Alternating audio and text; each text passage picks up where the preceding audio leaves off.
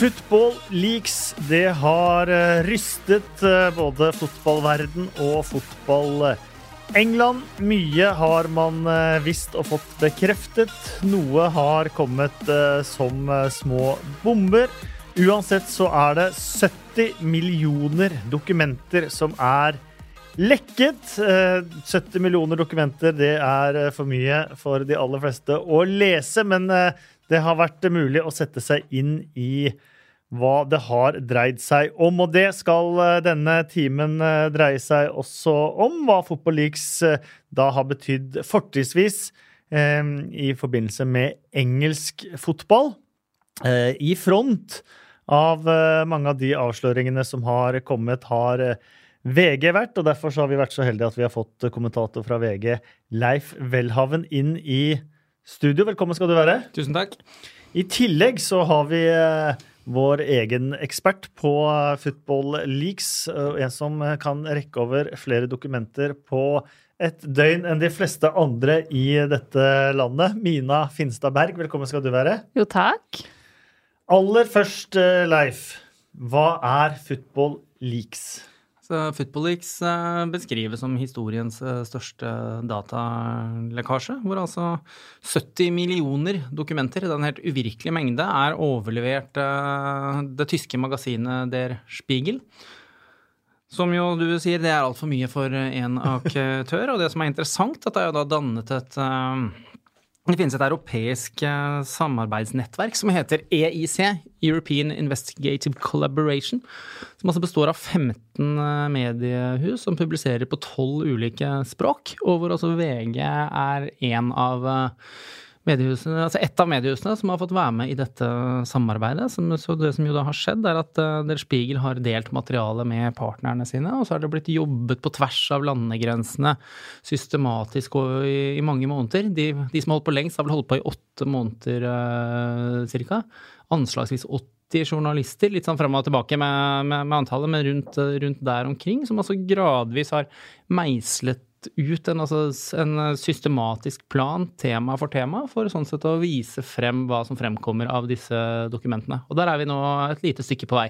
ja, og det er interessant å eh, lese, og vi skal jo bevege oss inn på eh, engelsk eh, fotball eh, også så småningom. Men Mina, av det du har lest om eh, football eh, leaks, hvis du skal dra noen hovedpunkter av det som eh, kanskje har sjokkert eh, deg mest eh, så langt, da?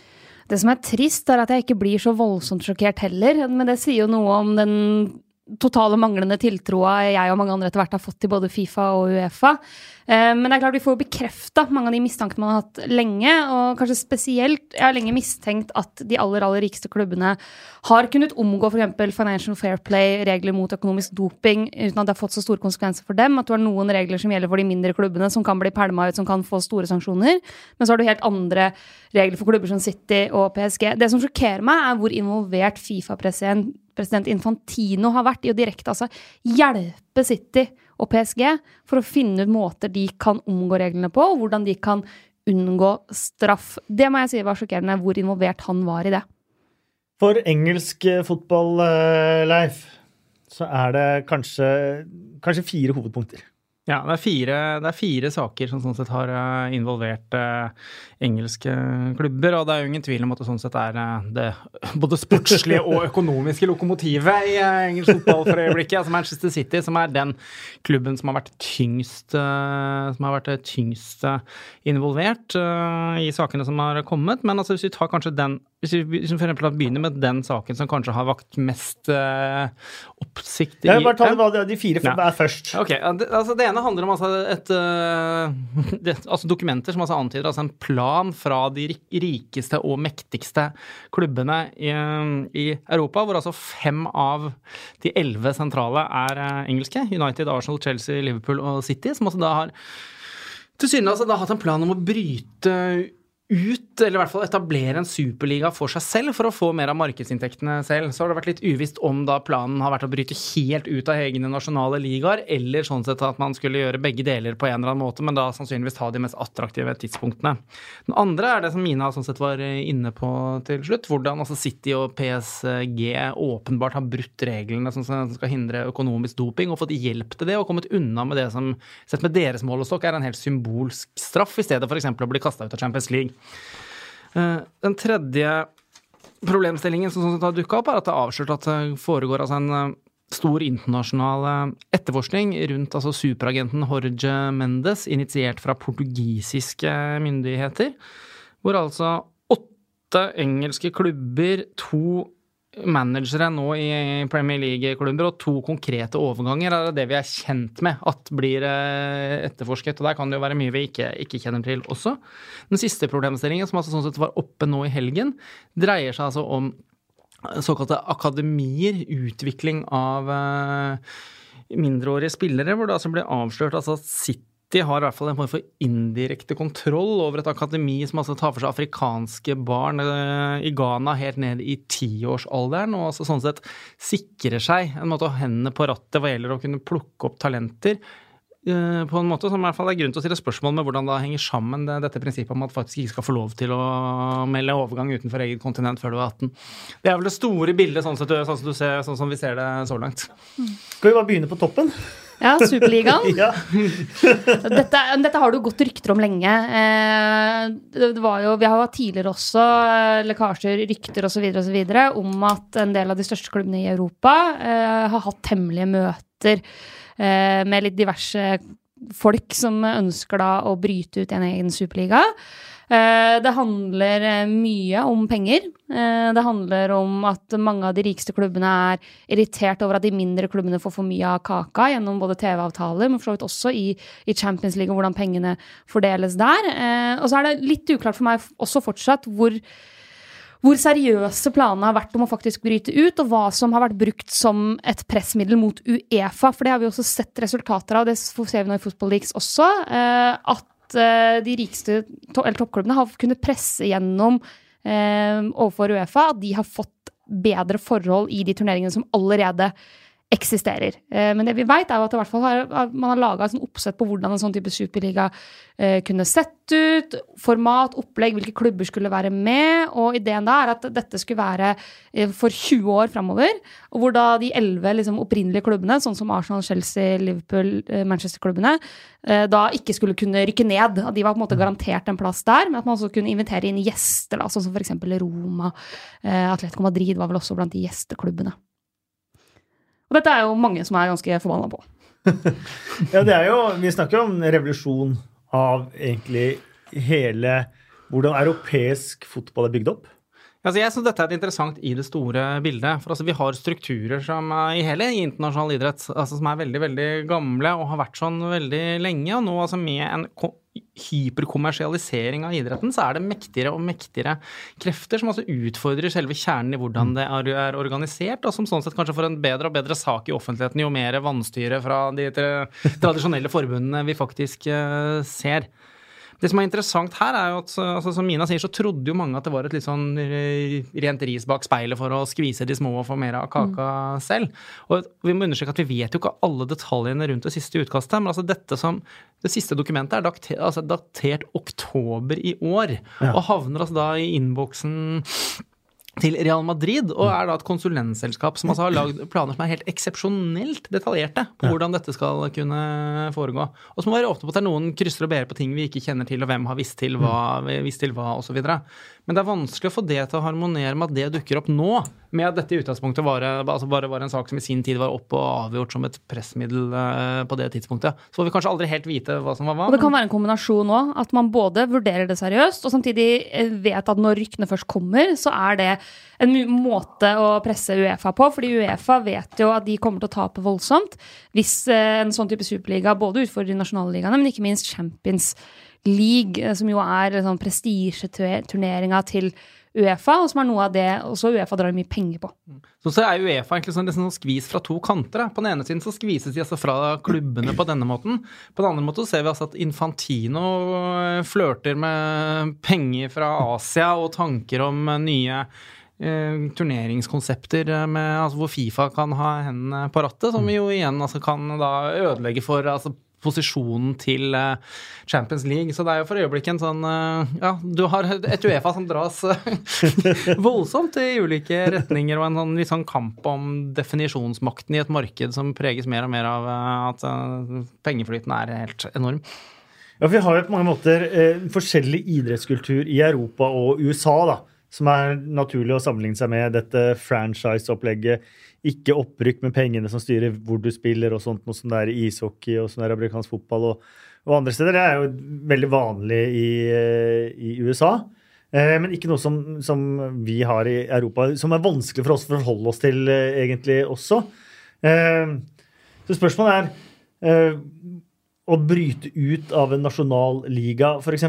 Hvordan hvor man kan tyne en sitron til å bli ingenting til slutt. eh, hvis det ikke lykkes, og man da skal komme tryglende tilbake. Og så er det hvilke lag som er involvert. da. Eh, at Arsenal f.eks. skal være en invitert klubb inn her. Altså lag som sammenligner seg med Arsenal, som ikke er invitert, kan vi si Tottenham f.eks. Eh, er, er det også noe som har kommet fram, hvordan man på en måte har valgt ut hvilke klubber som skal inviteres? eller sånt? Ikke av det jeg har sett så langt. Det kan jo selvfølgelig hende at eh, VG og Spiegel og co. sitter på mer av det. Men det som også for er bemerkelsesverdig, er jo at altså, en klubb som AC Milan da, er, skal, er jo blant disse elleve klubbene som er founders.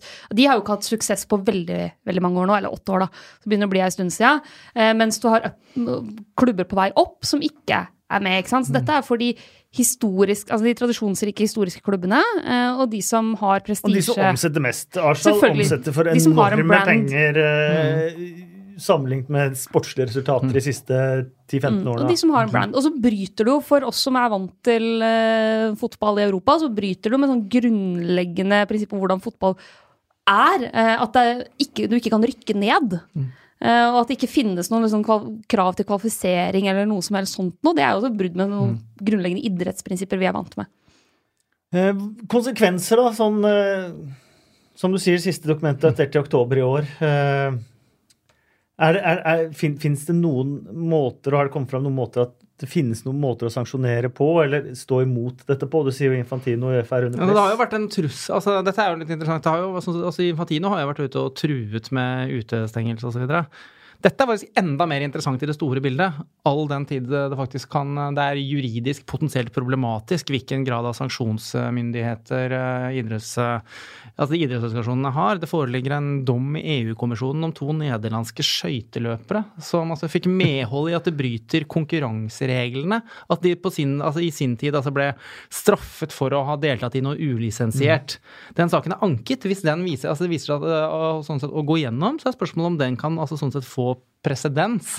Og en rapport En potensiell bossmanndom, liksom? Og i en Fifa-rapport jeg leste så sent som i går, så nevnes denne skøytedommen mm. spesifikt som altså noe vi må være varsomme med hva gjelder Det var en annen sammenheng, men altså det ble trukket fram spesifikt mm. av Altså En som jobbet på oppdrag fra Fifa, rett og slett for at du må, altså, du må være forsiktig. Så den juridiske grunnen her er eh, altså for de tradisjonelle makthaverne er under press. Ja, og det Infantino konkret har trua med, er jo at spillere som er med på lag som bryter ut av nasjonale ligaer og danner en egen superliga, ikke får spille VM, for eksempel. Da. Mm. Eh, og da begynner det å bli litt mer tricky. I tillegg til at i hvert fall i Bundesliga så har sånn som Bayern München eh, hatt advokater som har utreda Vil det være sånn at, at, spillerne kan bare terminere kontrakta si hvis klubben velger å bryte ut? Eh, og det betyr at de ikke får delta i alle typer turneringer, f.eks.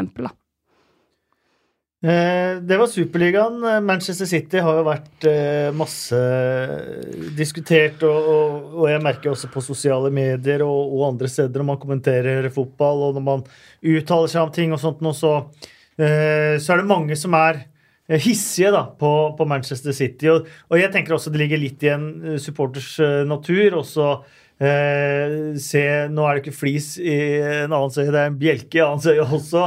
Uten å se kanskje en litt mindre bjelke i sitt eget øye. Men her er det veldig mye, mange legitime eh, innspill uansett. Eh, de, de, har altså arabiske eiere, Abu Dhabi, eh, sjeik Mansour.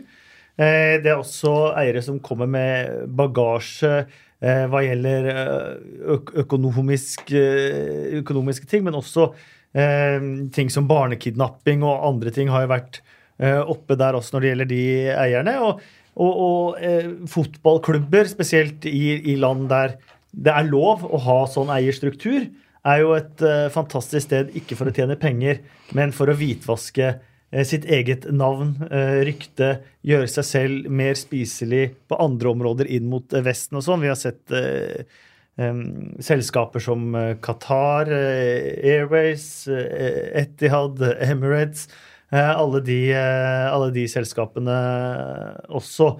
De har da, Det er jo Financial Fair Play, som de også har blitt straffet for tidligere av Uefa, eh, for å ha brutt. Men, men det virker, det, virker, det virker, stort, så vi må prøve å ta det, ta det litt ned. Hvordan skal vi prøve det? Nei, Det går an å prøve å oppsummere litt kort. Altså, det, det, er flere ting her. Det ene er jo det som vi snakka om i stad, at Infantino har eh, hjulpet bl.a. City med å få så milde dommer som overhodet mulig for brudd på de, kjen, altså de kjente bruddene på FFP, som vi har kjent til tidligere. Noe av det som har kommet fram nå, er jo også hvordan Manchester City i årevis har planlagt for hvordan de skal omgå FFP. Eh, Bl.a. ved kontrakter som tilbakedateres, ved at eh, mange av de sponsoravtalene er kunstig høye. I flere tilfeller så uh, Vi har eksempler på at ok, du har et selskap som står som en sponsor som kanskje har sponsa med 30 millioner uh, pund, uh, men så har de egentlig bare gitt en fjerdedel av de, fordi resten har kommet via andre selskaper som eierne eier, og så du, kan du følge liksom, pengestrømmen via diverse skatteparadiser. Da. Samme med lønninger, hvor image lønninger. rights inn i, inn i lønninger på en måte har blitt tatt ut av det som blitt oppgitt som lønninger. Altså, City sånn. har jo basically solgt uh, spillernes image writer til uh, seg selv, egentlig, mm. uh, for å balansere mm. bøkene. De har solgt det til et selskap som via, via, via er eid av Citys egne eiere. Image rights, hva er det, bare sånn uh, helt, uh, helt, kort? ja, nei, Det er uh, egentlig rettighetene til å kunne markedsføre spillerne. Mm. Spillerne skal kunne stille opp på alt mulig rart for City. Og da er det utgangspunktet veldig veldig rart at et selskap uavhengig av City kjøper de rettighetene. og det har jo mange også lurt på. Og alle disse tingene er veldig lite lov. Jeg syns det er bare interessant å bare stoppe opp et øyeblikk og se på hva er dette for noe. Altså. Begrepet doping handler om å altså, tilegne seg en konkurransefordel på en måte som er uh, i strid med reglene. Mm. Vi kjenner det fra anabole steroider og den type ting. Men jeg synes at begrepet økonomisk doping er ganske godt her. For det altså, City har gjort her med viten og vilje på en kynisk og kalkulert måte, er å altså, sette klubben i stand til å få en konkurransefordel som de ikke hadde hatt hvis de hadde fulgt regelverket. Og her er det interessant at vi nå, altså de dokumentene vi sitter på, altså de underbygger det så godt. Eksempel er det altså en City-direktør som også sier vi må slåss mot dette på en måte som ikke er synlig, ellers blir vi utpekt som en global fiende av fotballen.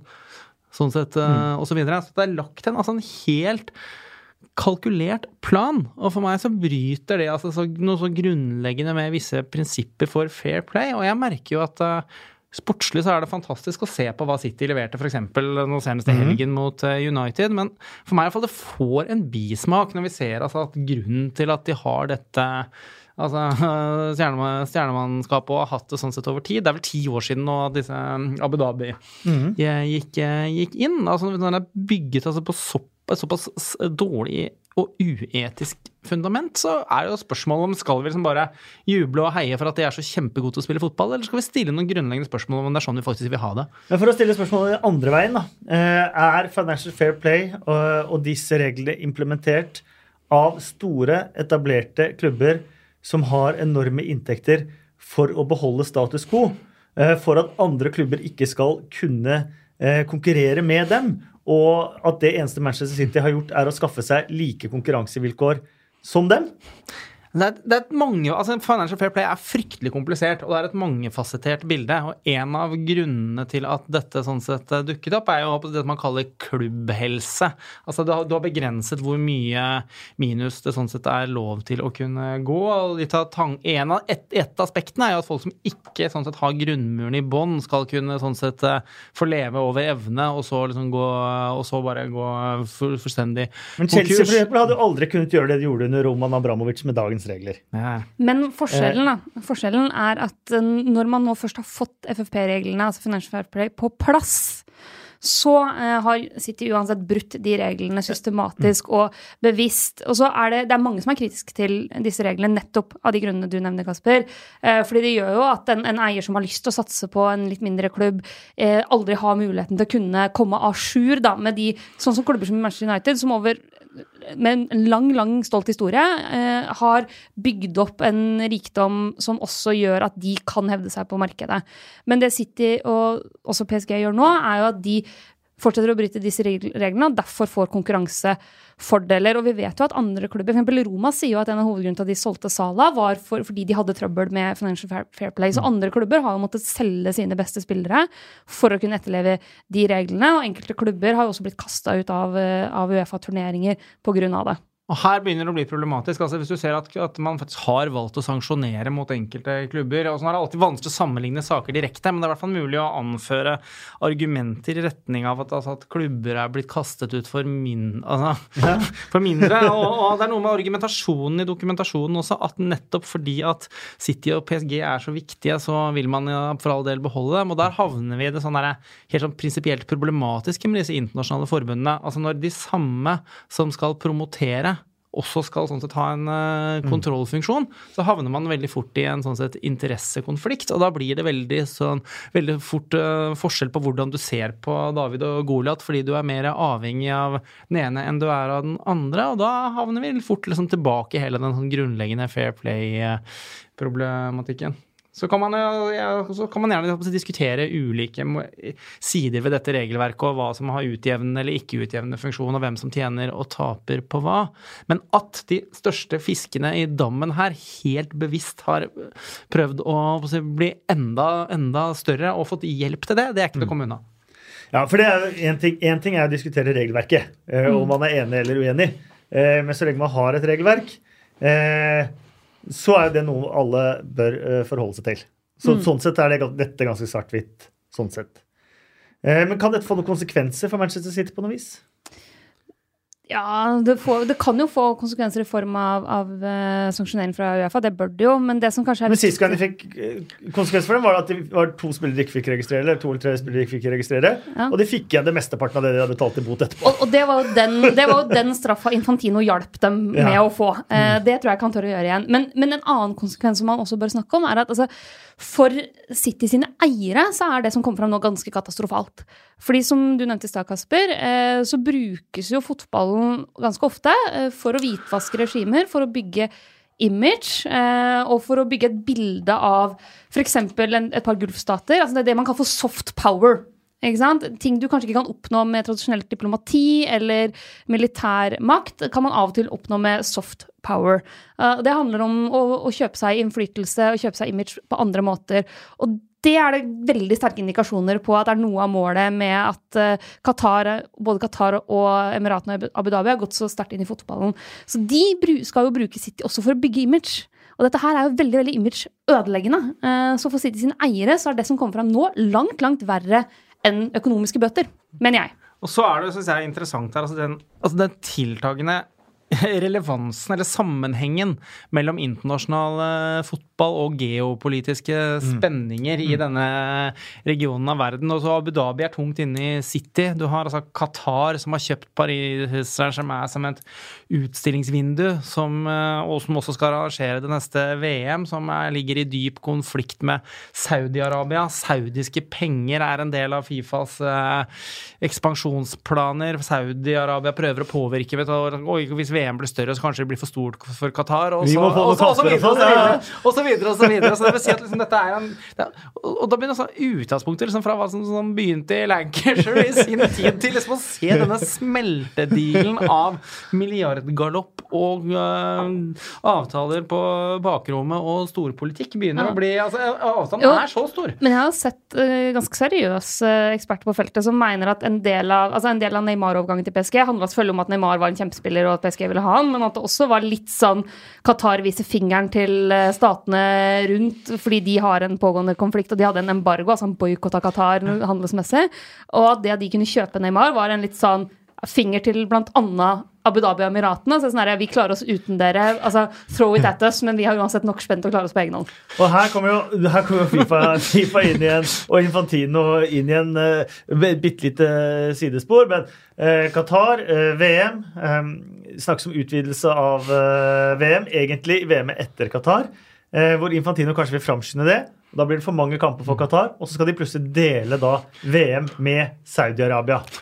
Jepp. Det er ja, men, en smørje av dimensjoner. Ja, det er helt vanvittig å se på altså, forholdet mellom Qatar og Saudi-Arabia, som er så anspent. Og i utgangspunktet at Qatar fikk dette VM-et på, på, et så tvilsomt uh, vis, så er jo altså Den etiske hengemyren her er jo bare helt uoverstigelig. Helt uoverstigelig og det er vanskelig å se noen vei ut av det. Eller? Kan jeg ha en liten digresjon? Har jeg en minikjapp digresjon? Absolutt. Du har tid til alt. Fordi uh, jeg jobba en del med VM i sommer. Um, og Saudi-Arabia hadde jo allerede da en sånn total boikott og embargo av hele Qatar. Eh, problemet er at Saudi-Arabia hadde kvalifisert seg for VM første gang på lenge. Eh, og de som har rettighetene i området, er jo Be In Sports, som er eid via via av Qatar. Mm. Eh, så de facto kunne ikke Saudi-Arabia vise VM på TV eh, pga. den boikotten de hadde. Det funker jo ikke når du har en ganske fotballgal nasjon eh, som for en gangs skyld er med i VM. Så de satte opp et sånn eget piratnettverk som het Be Out Qatar. eh, som da viser kampene i Saudi-Arabia under VM. Det syns jeg er ganske morsomt og ganske sprøtt. Det er veldig bra. og når man også ser derfra eh, til eh, det vi lar oss begeistre over hver eneste dag, hver eneste helg, hver eneste uke i, i Premier League. Hvor de spiller med Etihad på drakta, de spiller med Emirates på drakta. Eh, man vet hva slags forhold som er i de ulike landene. Samtidig som spillere som spiller med Emirates på drakta, spiller med regnbueskolisser i støtte for kampen for homofile. Det, selvmotsigelsene kan liksom ikke bli større.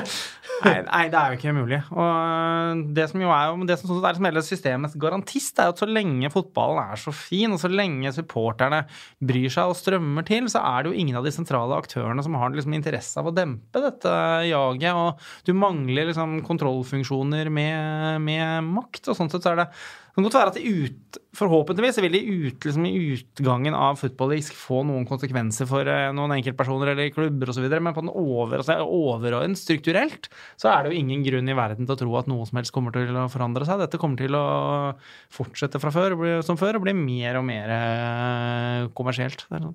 Og her kommer min lille bare litt innspill uh, midt i, og det er jo Når man hører om dette og snakker om dette, det, det er fæle ting. Eh, samtidig eh, så har jeg et sånn veldig sånn sterkt brennende ønske om at de ikke skal få vinne. da.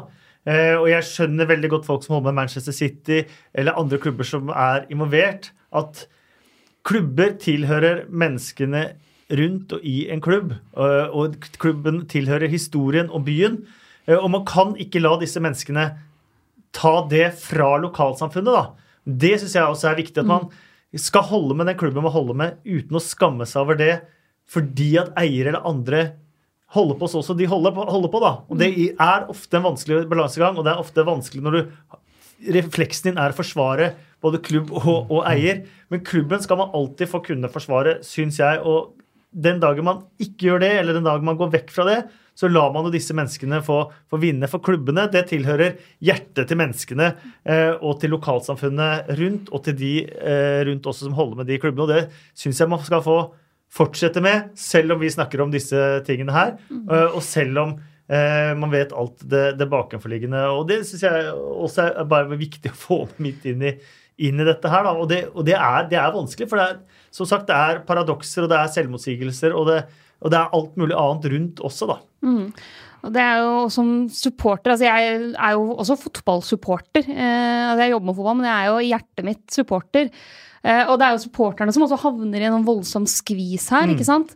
Uh, jeg skrev, jeg blogga om Fotballix forrige helg, og den kalte jeg bare 'Tyven, tyven skal du hete'. Fordi jeg mener at det de folka her gjør, er at de stjeler fotballens integritet, og de stjeler fotballklubbene fra supporterne. Og som supporter så er det ikke alltid så lett å vite ja, men hva skal du gjøre da, du vet, hvis du veit at klubben din brukes for å hvitvaske et regime som bryter menneskerettigheter en masse.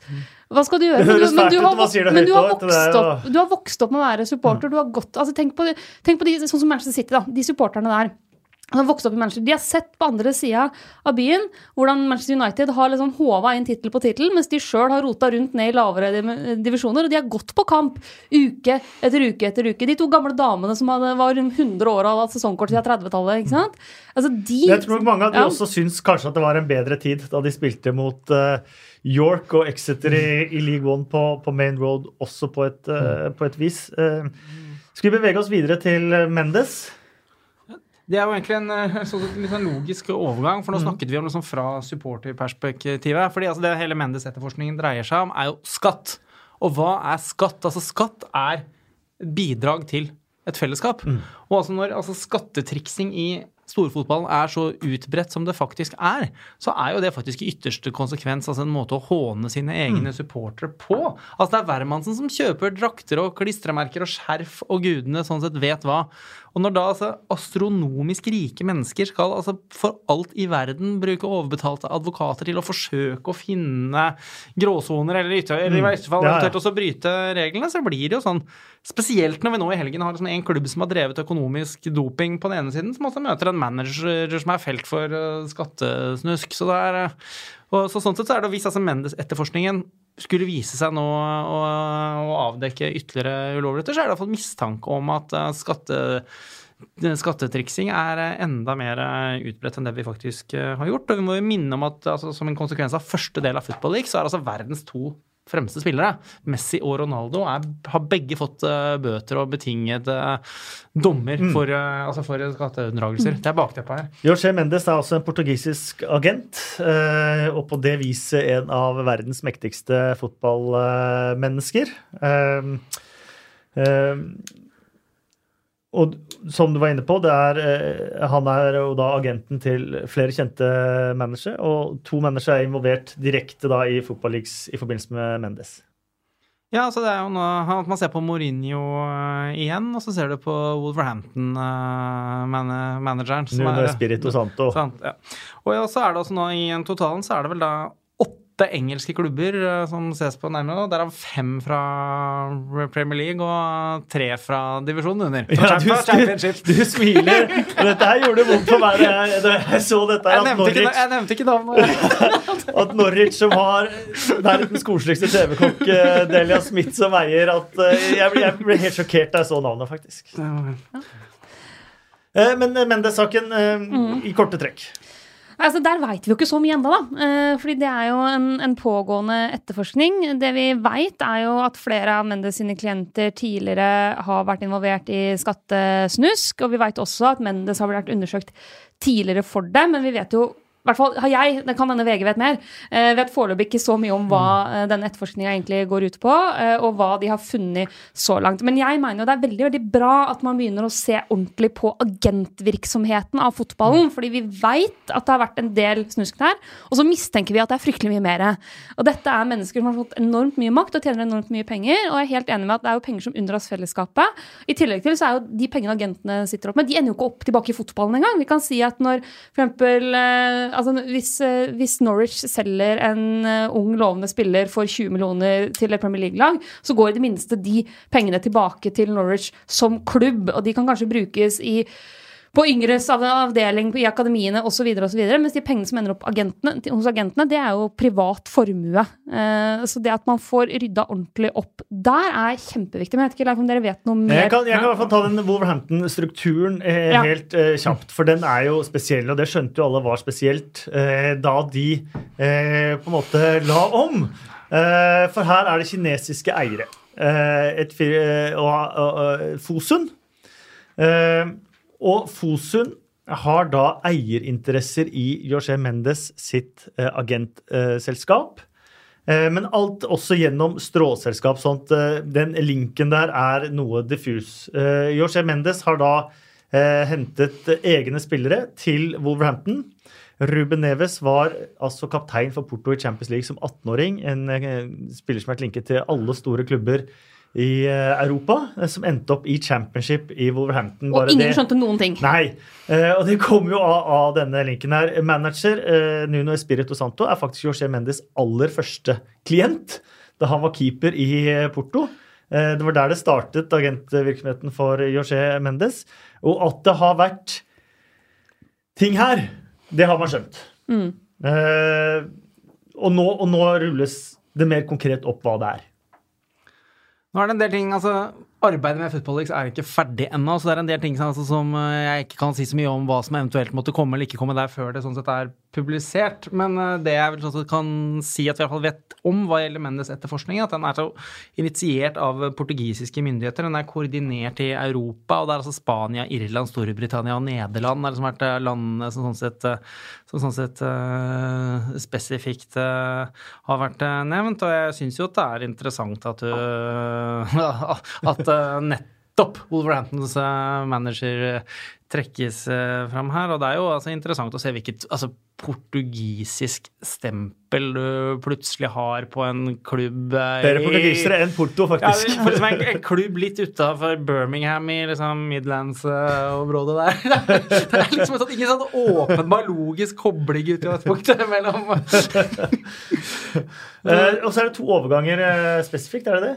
Det er to som er nevnt, eh, og begge involverer jo sånn sett Manchester, altså da ikke Manchester City, men Manchester United. Altså én hver vei. Det er altså Anthony Marcials uh, overgang fra Monaco til United og Angel Di Marias uh, vei ut av United til Paris Saint-Germain. Det er jo de to overgangene. Men detaljene der er jo ikke kjent. Og vi må jo selvfølgelig understreke at disse sakene vet vi ikke om ville ende altså ville, om det ville ende opp med noen form for sanksjoner. Men det er jo interessant at det har vært jobbet opp såpass så systematisk på tvers av landegrensene over såpass lang tid. Så om det er noe her, så får jeg håpe at de finner at de får ordentlig tak i det. For altså summen av dimensjonene og proporsjonene på Orge Mendes er altså helt, helt, helt eventyr. Mm, og der må vi sende en liten takk faktisk til spanske skattemyndigheter, som jo var de som egentlig satte en helt ny presedens da de dømte dømte Messi, da de dømte Ronaldo, da de dømte Mourinho og Mascherano. Fordi dette er jo, spesielt Messi og Ronaldo, er jo på en måte større enn fotball, større enn verden, større enn alt. Og jeg tror de fleste av oss hadde lite tro på at de noen gang skulle dømmes i det hele tatt, fordi de er så store stjerner at de på en måte ser ut som de er heva over loven. Men det at Spania har vært så tydelig her, eh, det setter jo ny presedens på at det er fullt mulig og også dømme de aller aller største stjernene og de aller aller mektigste innen fotballen. Så får selvfølgelig ingen av dem fengsel, eh, men de får i det minste klekkelige bøter. Men i Spania er det ikke sånn at uh, alt under to år blir betinget? Du har muligheten til å tror jeg, hvis jeg har skjønt det riktig. Ja, og så er det også litt Det handler om summer også, så de har klart å holde seg akkurat under både på tid og sum, sånn at de unngår fengsel. Nå sier det, jeg at det er litt sånn at det sier litt som om fotball ordskifte som man kan bli litt sånn deprimert av. Altså, skattedommen mot uh, Ronaldo ble jo kjent helt i starten av uh, VM. Rett etter at vi sånn sett så Putin sitte sammen med Infantino og bin Salman. Sånn. Og vi visste hva som hadde skjedd rundt anleggsbygging og sånne ting. Alt dette forsvant da VM begynte. Det var bare hei og hopp, og nå, og nå var det gøy. Og det, hvis ikke, Med forbehold om at jeg husker korrekt, så sammenfalt vel denne dommen ganske godt med at eh, Ronaldo skårte hat trick mot uh, Spania. Og det var vel ingen tvil om hva det var som uh, fikk uh, oppmerksomhet. Det var ikke snusket, det var skåringene. Men er ikke det også litt sånn alt i sin tid? Uh, for meg så er dette selvfølgelig vanskelig, for man, man rives jo av forskjellige, forskjellige ting. Og, og, man vet jo også alt det som var med, med, med Russland. Eh, jeg var i Russland selv og kommenterte. Eh, det jeg møtte i Russland, var, og det sterkeste inntrykket sånn sett, var for så vidt menneskene, de frivillige, taxisjåførene, folk som jobber på hotell, andre steder, eh, som alle var utrolig opptatt av at man skulle ha et godt inntrykk av dem. Flere spurte hva syns du om meg, hva syns du om oss? Eh, syns du du har blitt tatt imot på en, på en god måte? Og i ethvert regime så er det jo ikke menneskene nederst på mange måter som, som skal stå til ansvar for det. Uh, og for meg så var det veldig mange gode møter med mennesker som selv lever i et regime, men som også var opptatt av uh, at jeg skulle ha det bra som gjest. Da. Dette er vanskelig, fordi samtidig så ble jo også VM øh, et eneste stort altså PR-utstillingsvindu mm, fra ekstremt. Vladimir Putin. På et tidspunkt hvor får uh, Russland ennå at uh, antidopingarbeid ikke var uh, WADA-sertifisert. Og Mutko, som er det var altså, koblet tydelig til dopingskandalen. Var liksom bare midlertidig eh, plassert litt på sidelinjen mm. før han sånn sett er tilbake i, i idrettsvarmen. Så det handler jo litt om hvilket perspektiv mm. du sånn sett, man sånn sett skal ta. Og hvis du tar det på sånn trappetrinn, da, det er sikkert hyggelige folk i Qatar også. Det er sikkert mm. uh, flotte mennesker som du kan, eh, helt garantert, som du kan snakke med som ikke fortjener å bli satt i, i bås med regimet der. Men da er spørsmålet skal man bruke samme argumentasjonen når du kommer til, altså til, altså til Qatar. Hvor, Qatar, hvor går liksom grensa ja, da, med tanke på hvor mange fremmedarbeidere skal dø når de bygger ja. stadion? Og det øyeblikket det, det begynner, så syns vi stadionanleggene er flotte og fotballen er morsom. Ja. Altså, det, er kjempe, det, er kjempevanskelig. Samtidig som liksom, vi, vi, skal ikke slutte å like fotball. Det, det, blir også feil. Så det er litt sånn der, altså, det, er, det er kjempe det, er jo ikke noe fasit her. Nei, og det er vel også det disse menneskene har klart å utnytte både hos oss og i samfunnet og på så mange nivåer. da at kjærligheten til spillet, kjærligheten til fotballen, kjærligheten til, til, så mye har de på en måte klart å utnytte, for de vet at den kjærligheten er sterk. Og de vet at det også kan utnyttes kommersielt på, fra det nederste til det øverste mm. nivået. Eh, og det, det, er det som gjør dette så vanskelig ofte også å jobbe med også. Eh, fordi at ja, man rives jo på alle mulige, mulige måter eh, rundt om. Men noe vi er veldig glad i holdes på en måte som gissel av ja, veldig ugreie veldig godt det er, eh, det, det er, nettopp det som skjer. Ja. og er så, Fotball er så mye følelser. Eh, det er så lite logikk og så mye følelser for eh, veldig, veldig mange.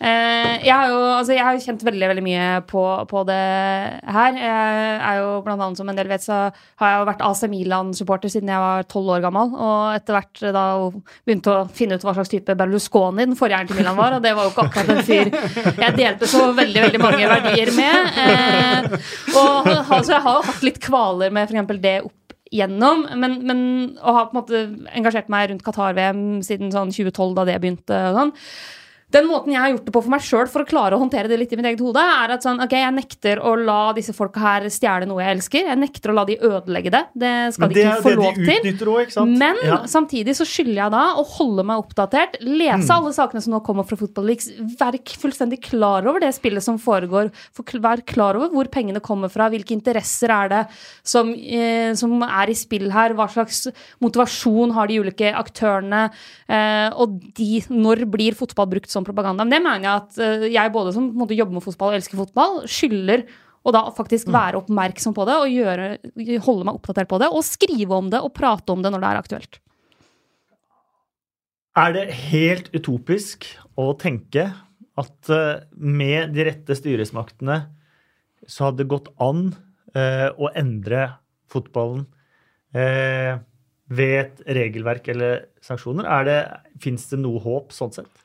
Det er vanskelig for å se for meg det nå i dag. så er det vanskelig å vite hvordan ting kunne ha vært hvis du hadde hatt et uh, sunnere styresett og klarere regler uh, tilbake i tid, før liksom, uh, pengegaloppen løp fullstendig amok.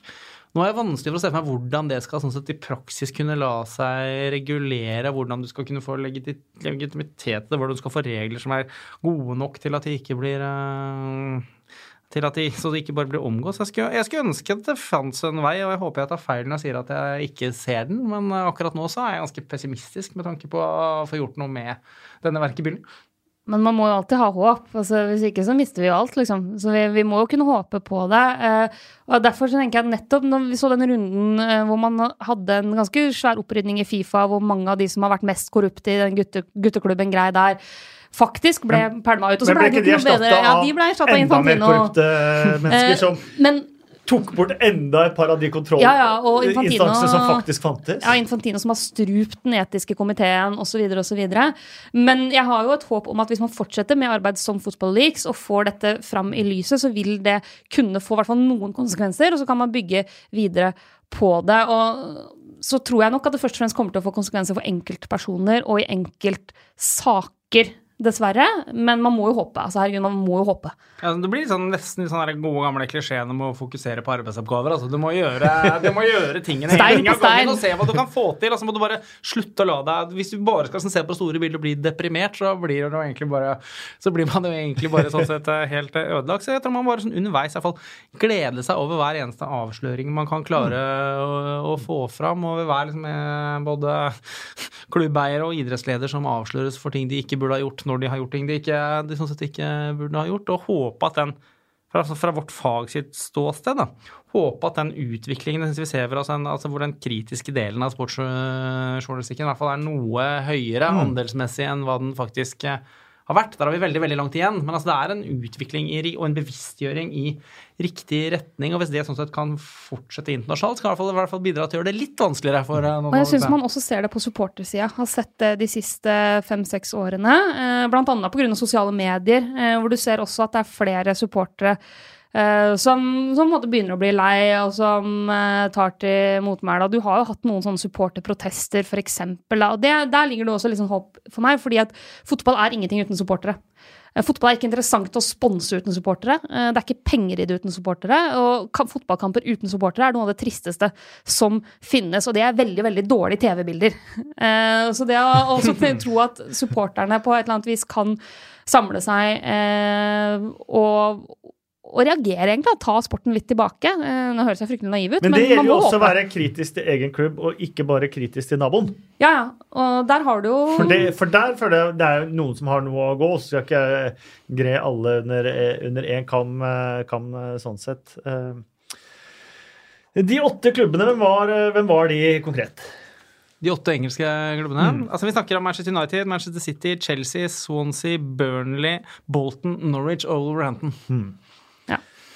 Det var de engelske klubbene som var involvert med José Mendes. Vi var så vidt innom denne Right to Dream også i, i Ghana, eh, med Manchester eh, City. Der hadde dere en tresiders artikkel i går i VG med Anders Kristiansen. Vi hadde over to, ja, vi, hadde, ja? vi, hadde, først på lørdag, altså en enda større på lørdag, som ja. handlet om selve Right to Dream. Den, den, den problemstillingen er vanskelig, fordi mm. der all Altså Veldig mye av dette materialet er måte, veldig enkelt å bare dunke løs på at ting er ikke greit. Right to Dream, for Anders som var der, sånn at, hvordan han formidler det tilbake er en, et sammensatt uh, kapittel.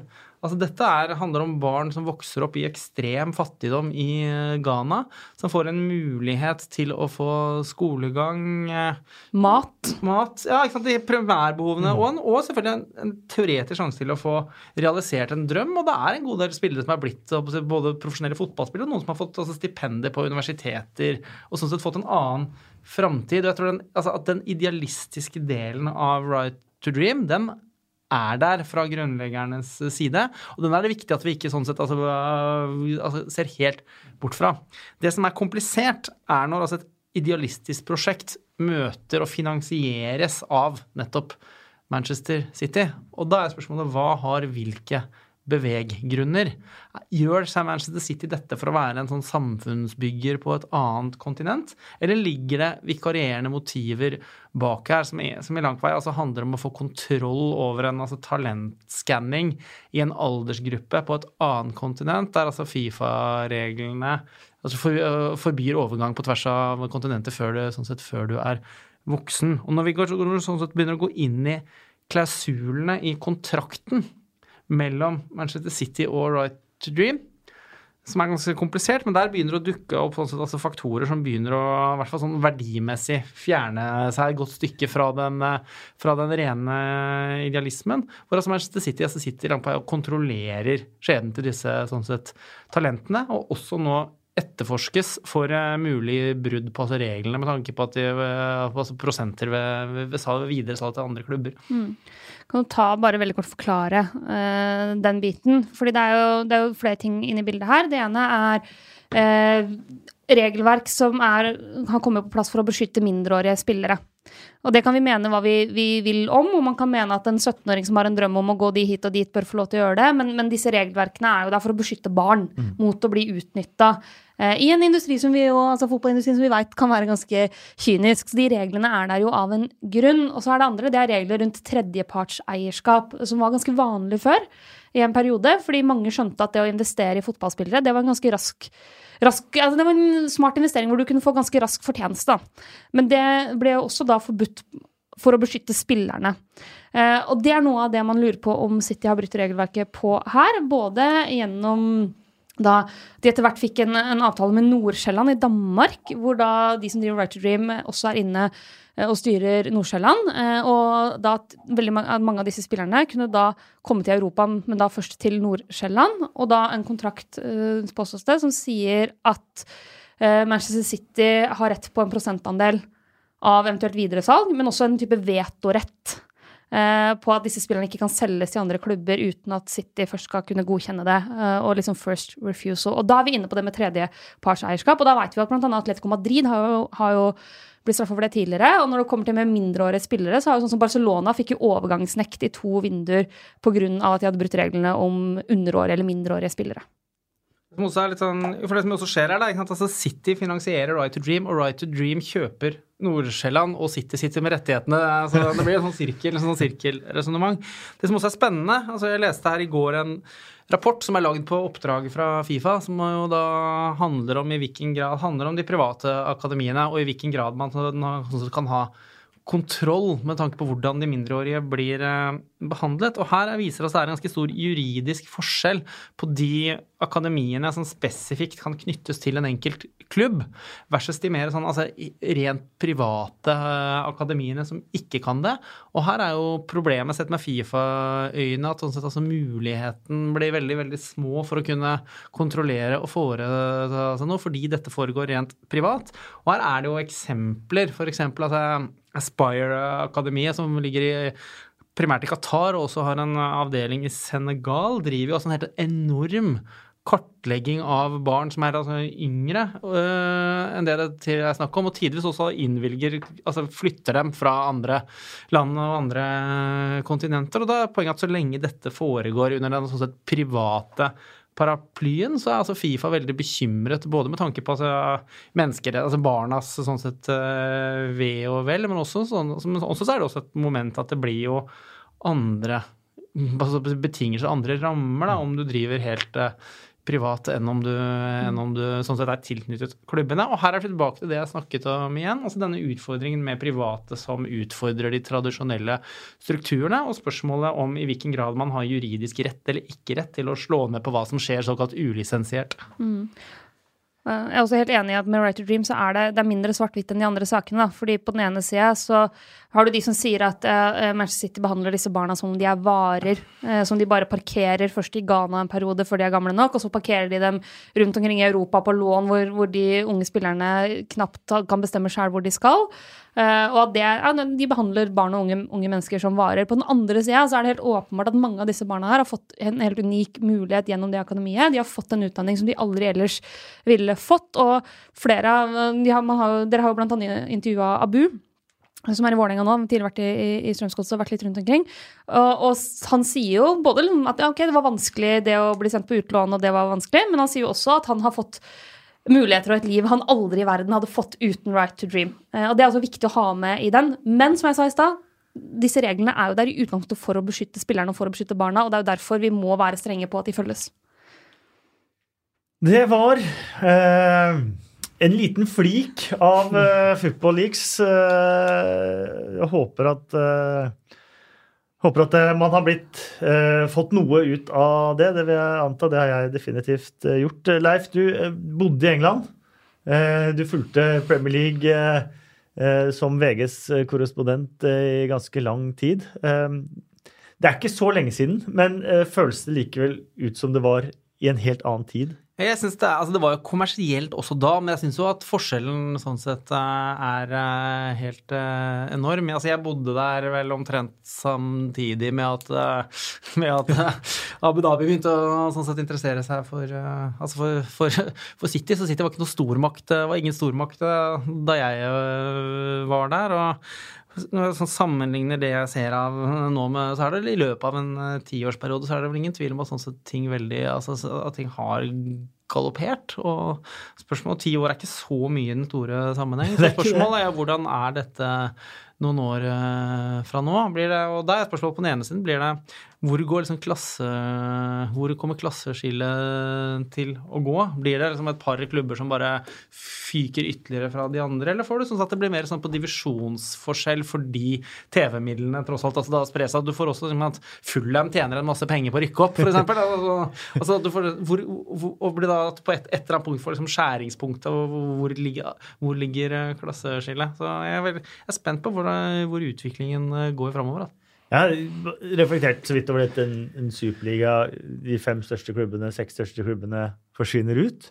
Eh, kanskje resten av fotball-England bare synes dette var helt fantastisk. Fått en competitive Premier League, hvor, hvor man hadde litt sånn som var før, at eh, halvparten av lagene egentlig kunne bli ligamestere. Halvparten av lagene kunne, kunne rykke ned. Eh, og kanskje Superleague, hvis vi hadde vært ordentlig heldige, hadde det blitt en kjempefiasko. Et par av de store lagene hadde kommet litt sånn krypende tilbake om de kunne få være med i den nasjonale ligaen, eh, ligaen igjen. Kanskje, kanskje, det kunne vært en, vært en utvikling?